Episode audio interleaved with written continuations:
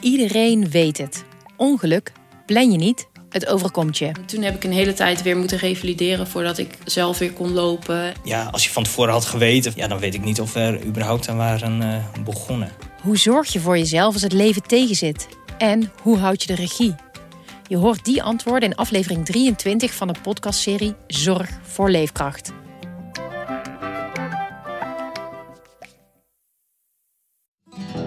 In Gonzo vertellen de beste journalisten van Nederland over het verhaal in hun carrière dat ze altijd zal bijblijven. Via podimo.nl slash gonzo luister je de eerste 30 dagen gratis. podimo.nl slash gonzo. Dit is Man met de microfoon met een speciale serie rondom de Canarieboekjes. Die verschenen vanaf de jaren 30 tot de jaren 50 van de vorige eeuw. Jullie weten het inmiddels. Het zijn de immer positief gestemde boekjes waarmee je iets van je leven kon maken. Er zijn er in totaal 260 en ik heb er hier weer even drie bijgepakt met titels als Vrees en zorg overwinnen, Zo moet ik mij kleden, maar ook Kookboek voor vrijgezellen. En deze week staat in het teken van boekje nummer 163, De kunst van telefoneren.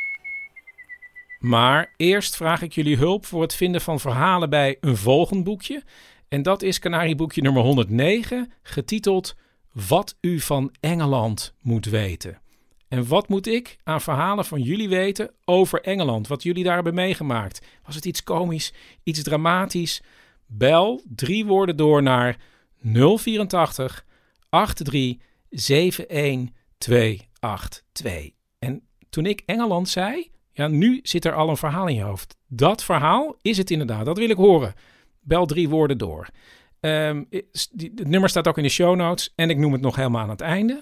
Nou, gaan we nu door naar de kunst van telefoneren. En dit staat in de inleiding. Telefoneren is een kunst. Wij kennen een oude advocaat. Als de telefoon op zijn schrijftafel rinkelt, neemt hij de microfoon op en zegt: Ja?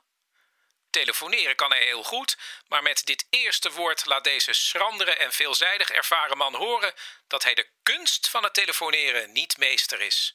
Hij is geen uitzondering. Er zijn duizenden die met hun eerste woord een bijna onherstelbaar verzuim plegen. Zij verzuimen wat een onzichtbare spreker nooit mag verzuimen, namelijk een prettige indruk maken.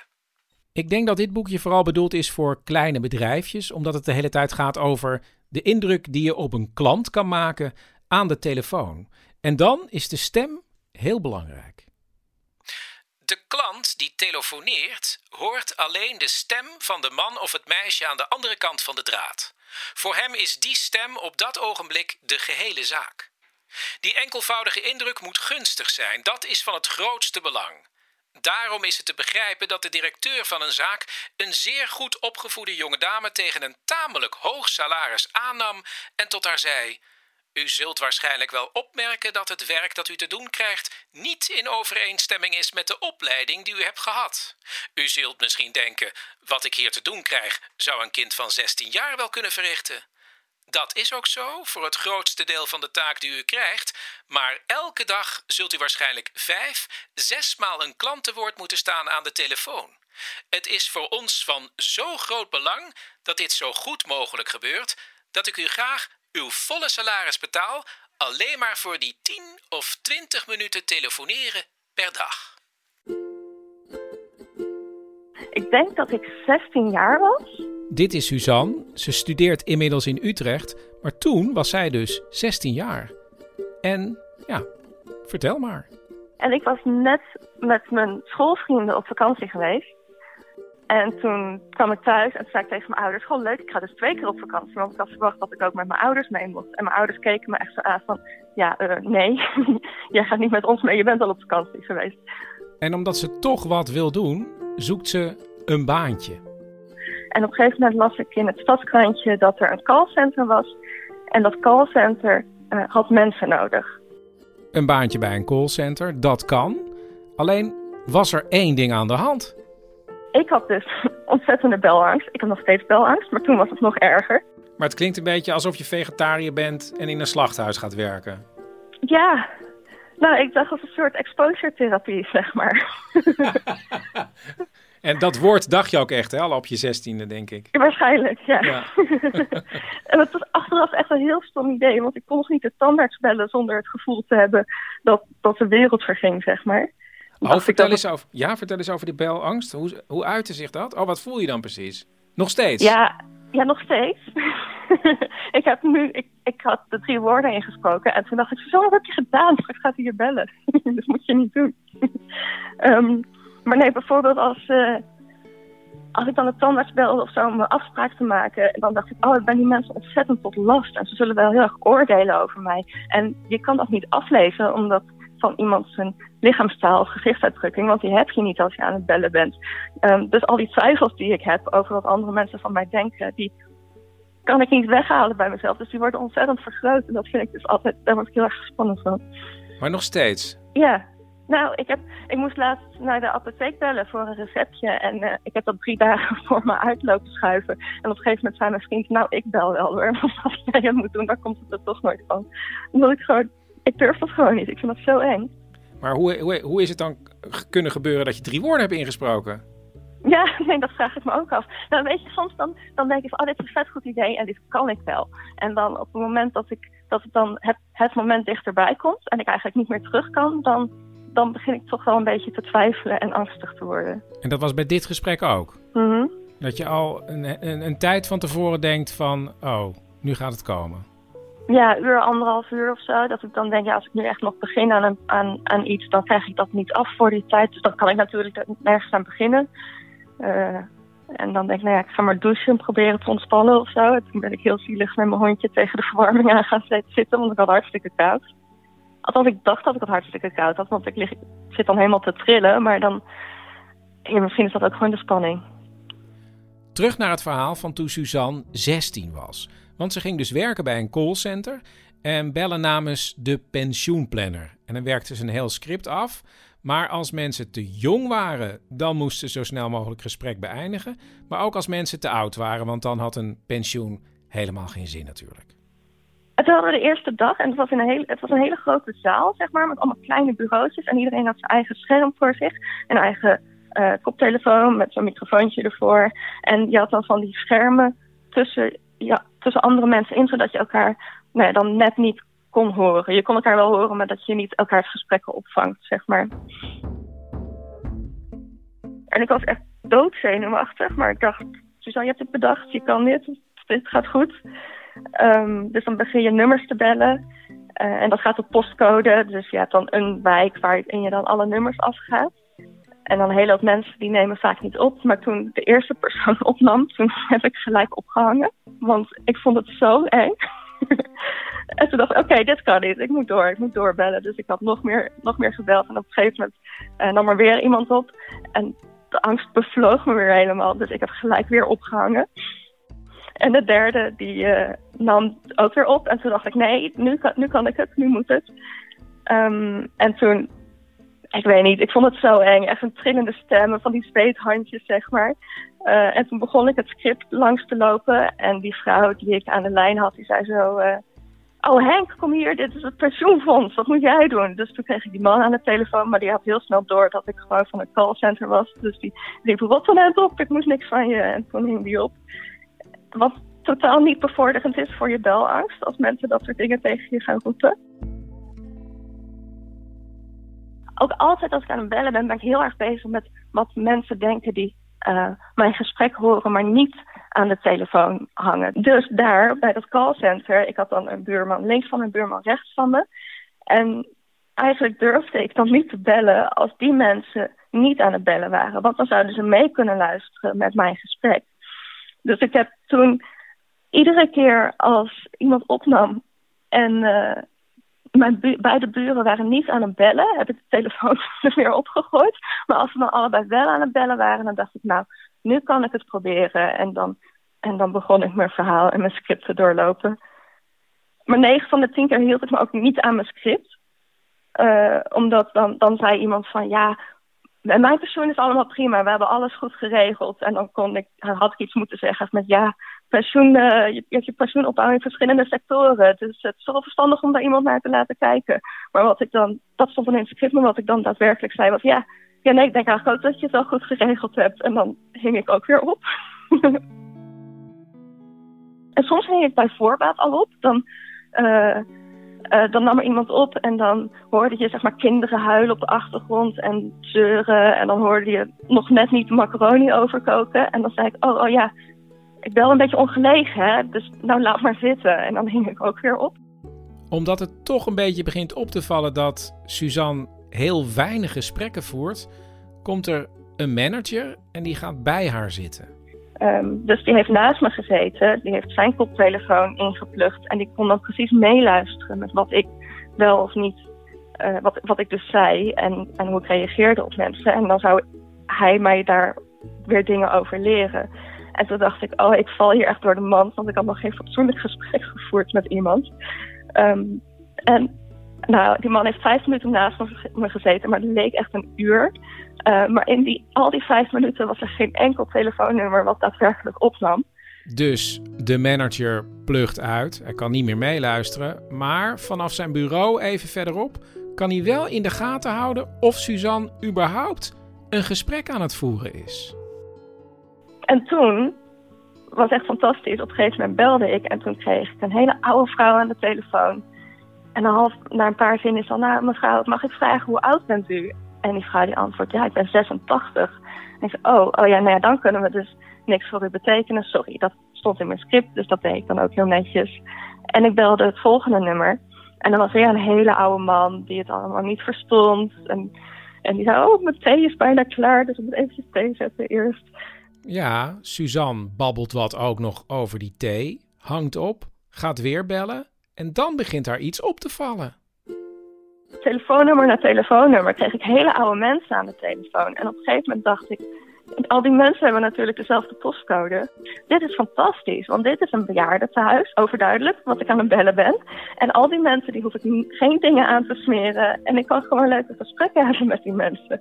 Dus iedere keer dan belde ik en dan zei ik, nou, ik ben, uh, bel namens de pensioenplanner. En, uh, en, en, oh, ik hoor dat er kinderen op de achtergrond zijn. Oh, zijn uw kleinkinderen toevallig thuis? En dan gingen die mensen hele verhalen houden. en ik kon daar zitten en mijn gesprek houden, waardoor die mensen dus niet meer dachten uh, dat ik niet aan het bellen was. Dus daar was ik heel erg blij mee. En hoe is het met het baantje gegaan verder? Nou ja, de week daarna heb ik ontslag genomen, omdat ik inzag dat het toch niet iets was voor mij. Ja, nou ja, dat was het, Suzanne. Ja, uh, gezellig. Moet je nog wat kwijt? Nee, ik ben toch wel blij dat het voorbij is. Oké, nou dan gaan we snel ophangen, Suzanne. okay. Dat was gezellig. Oké, okay, dankjewel. Oké. Succes ermee. Ja, bedankt. Doeg. Doeg. Doeg. Het is belangrijk dat je je kan concentreren op het telefoongesprek. Maar soms ben je met iets heel anders bezig. Je voert een gesprek, dan gaat de telefoon en dan moet je je dus onmiddellijk kunnen omschakelen. En dat kun je oefenen. U zit bijvoorbeeld in de tram en u leest de opschriften en reclamekaarten die u om u heen ziet. U leest ze werkelijk met aandacht alsof u beslist wilde weten waar een kort traject begint en waar het eindigt. En wie het beste roggebrood verkoopt. Maar midden in een zin breekt u af en u schat de leeftijd van een dame die juist is binnengekomen, of u vertaalt de naam van de straat waar u nu doorheen rijdt in zoveel mogelijk talen. Denkt u dat dit grapperij is? Doe zulke oefeningen dan enige keren en u zult bemerken hoe traag die denkmachine van u nog is in het overschakelen. Tevens zult u bemerken hoeveel u in dit opzicht met slechts 10 of 12 oefeningen kunt bereiken. Wat je ook niet moet doen, staat in het boekje, is onnodig in debat gaan met iemand aan de telefoon. Want ja, klant is koning. En wat dat betreft heeft Mirjam daar wel een goed voorbeeld van. Nou, uh, ik was op mijn werk. Ik uh, werkte in die tijd op een uh, vakantiekamp waar je bijvoorbeeld met school of met de voetbalvereniging een weekje of een weekend kan vertoeven. En ik was met een collega en met een goede vriend. Het werk was gedaan en we stonden op het punt om even ergens uit eten te gaan. En toen ging de telefoon. En ik nam op en ik noemde de naam van het bedrijf. Uh, goedemiddag met Mirjam. En ik hoorde, eh, schatje, ben je geil? En ik reageerde heel direct, ja. En ik heb ook hele grote borsten. Dag. En ik ging op. Nou, en je kan je voorstellen hoe die twee mannen met wie ik was, stonden te kijken van, hé, wat zegt die nou? nou, dat was het eigenlijk. nou, gewoon echt een goed verhaal. Een heel kort verhaal, maar wel heel goed. In De kunst van telefoneren zijn hoofdstukken besteed aan dingen die belangrijk zijn. Bijvoorbeeld je uitspraak, je stembuiging, je klankregeling, je hoffelijkheid. Maar ja, dan moet je wel de kans hebben om iets te zeggen. En dat blijkt maar weer uit het verhaal van Kirsten.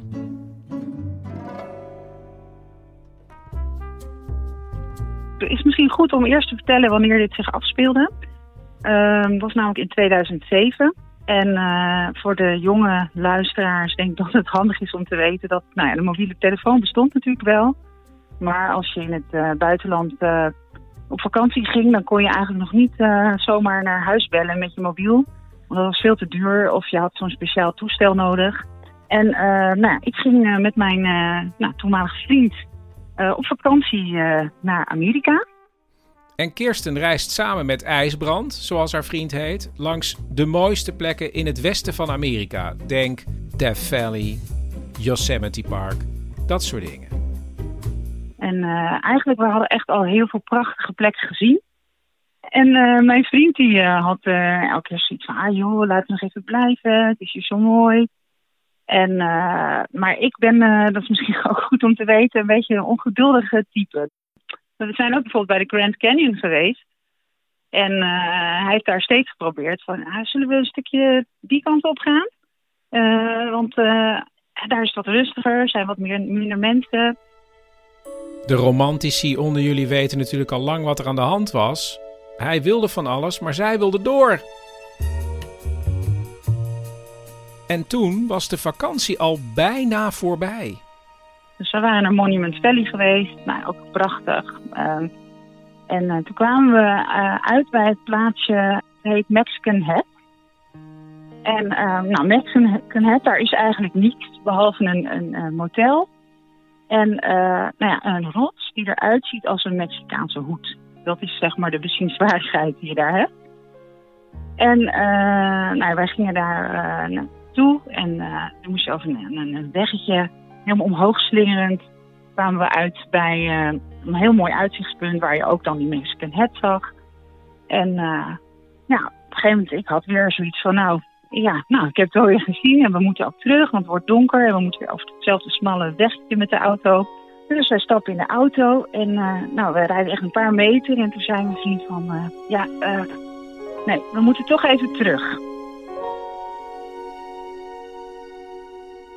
En ineens voelde ik van, ah, het was iets in zijn stem wat hij zei. En dat ik ook dacht, ik moet nu niet gaan zeggen, maar wat is er dan? Wat zijn we dan vergeten? We zijn toch niks vergeten? Want dat zei hij ook nog, ja. Van we zijn iets vergeten, we moeten even terugrijden.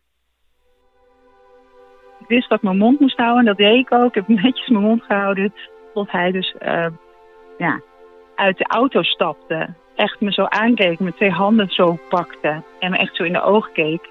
En zei van, hé hey Kirsten, wil je met me trouwen? Dus, uh, nou, dus hij had mij uh, ten huwelijk gevraagd en ik heb ja gezegd. Niet onbelangrijk.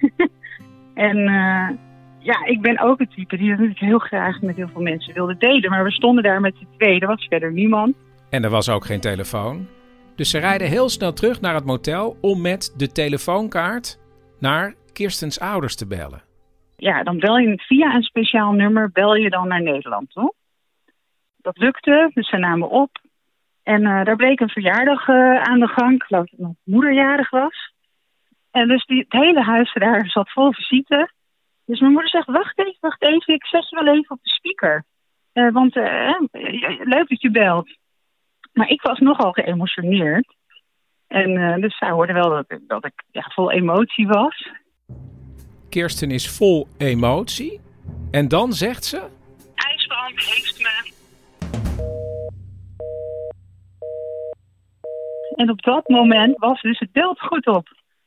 Ik was natuurlijk van, oh, ik wilde iets delen en het lukt niet. Maar aan de andere kant zat dus een hele familie mee te luisteren. En die dacht, wat is er aan de hand? IJsbrand heeft me... Wat heeft IJsbrand met haar gedaan? Geslagen, uh, uh, heeft haar verlaten, heeft haar zwanger gemaakt. Ja, en toen dus echt, we zaten op de bovenste verdieping van het motel, echt naar beneden gerend. Naar die receptie van het motel. Nou ja, snel nieuwe kaart kopen, weer terugrennen. En dus, nou ja, zo snel mogelijk proberen weer die verbinding tot stand uh, te brengen. Na een kwartier lukt het. En dan zegt Kirsten heel snel...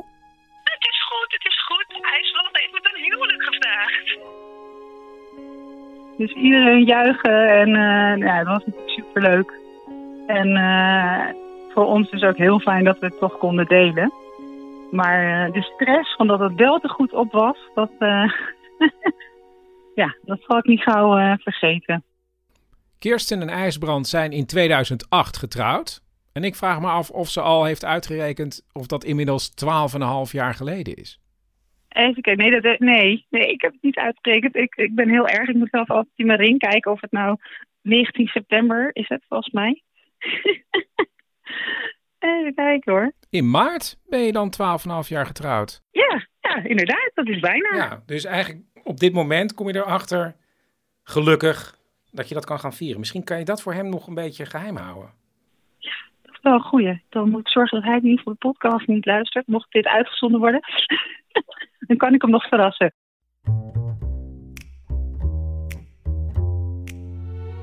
Sommige mensen zijn speciaal aangesteld om telefoonboodschappen aan te nemen. Bijvoorbeeld de assistent van een tandarts, een directiesecretaris enzovoorts. Als u weigert aan hen een boodschap af te geven, bestaat er kans dat dit u door de patroon kwalijk wordt genomen, omdat u zich niet aan zijn regels wilt houden. Daar moet u dus mee oppassen. Maar in de meeste andere gevallen is het aan te bevelen hetgeen u te zeggen hebt, te zeggen tot de man of de vrouw zelf. Steek uw toespraak niet af tegenover iemand die er niets mee te maken heeft. Tracht altijd iemand aan het toestel te krijgen die enige verantwoordelijkheid op zich kan nemen. Als u mevrouw moet spreken en u krijgt meneer aan de telefoon, zeg dan dat u hem niet lastig wilt vallen met huishoudelijke zaken. 10 tegen 1 dat hij dit zal appreciëren en zijn vrouw aan het toestel zal roepen. Mijn opa had een bedrijf en daarom had hij als een van de eerste ook een telefoon in zijn omgeving. En daar wist hij volgens mijn moeder handig gebruik van te maken.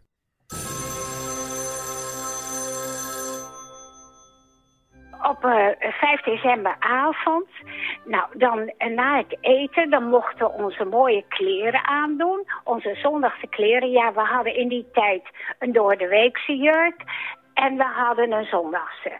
Uh, stelletje. Dat was een, een, rokje door mama gemaakt en een blouse. Alle vier hetzelfde.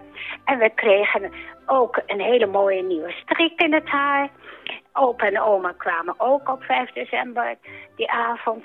Nou, en dan we hadden van tevoren voor Sint-Nicolaas ook allerlei dingen gemaakt. Uh, we hadden dus een open haard daar in de kamer. Dus wij dachten, nou, we gaan bij de open haard zitten. Nee, nee, nee, zei papa. Want we moesten in de buurt van de telefoon natuurlijk zitten. Dat wisten wij niet. Wat werd er dan gezegd? Ja, moet je eens luisteren. Sinterklaas komt van hartstikke koud.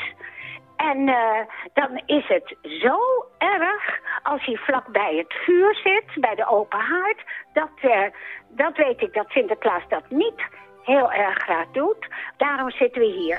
De hele familie gaat in het hoekje bij de telefoon zitten. En al snel zit de sfeer er goed in.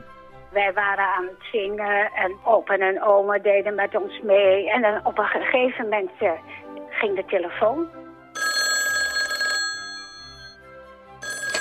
Papa nam op en dan zei hij... Ah,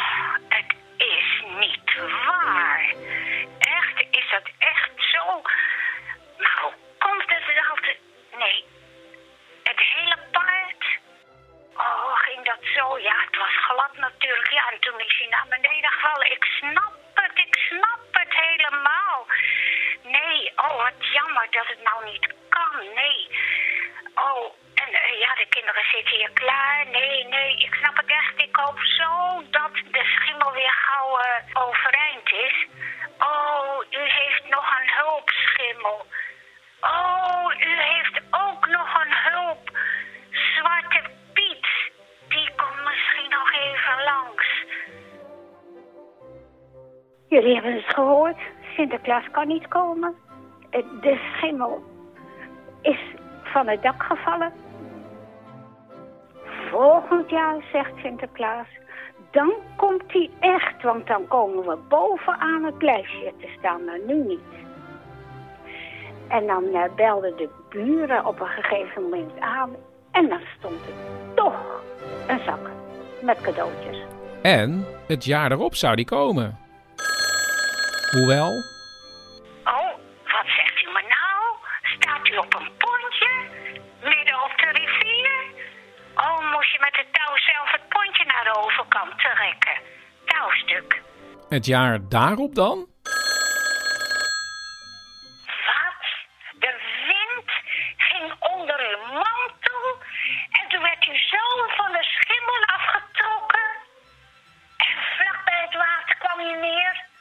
Maar eigenlijk wist je op een gegeven moment, eh, het is Sinterklaasavond, de telefoon gaat. Het zal toch niet weer, dachten jullie dan?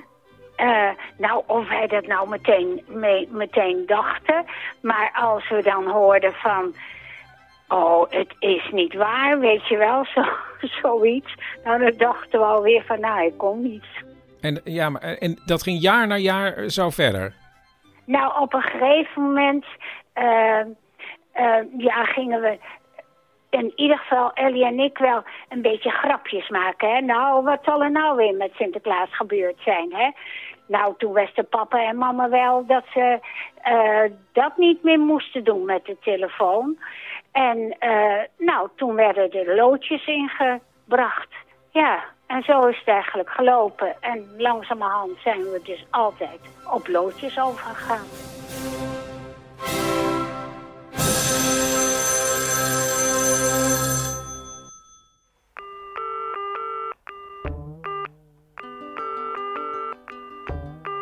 Dit was aflevering 51 van Man met de microfoon. Man met de microfoon wordt mede mogelijk gemaakt door Theater De Kleine Comedie in Amsterdam. Kijk of er iets gebeurt op dekleinecomedie.nl. Ehm, heb je een verhaal bij? Boekje nummer 109, wat u van Engeland moet weten. Bel dan drie woorden door naar 084 83 71 282. Reacties kunnen naar manmetdemicrofoon.gmail.com. En laat natuurlijk heel veel sterretjes en commentaar achter in de iTunes Store. En dan zeg ik ja, tot volgende week.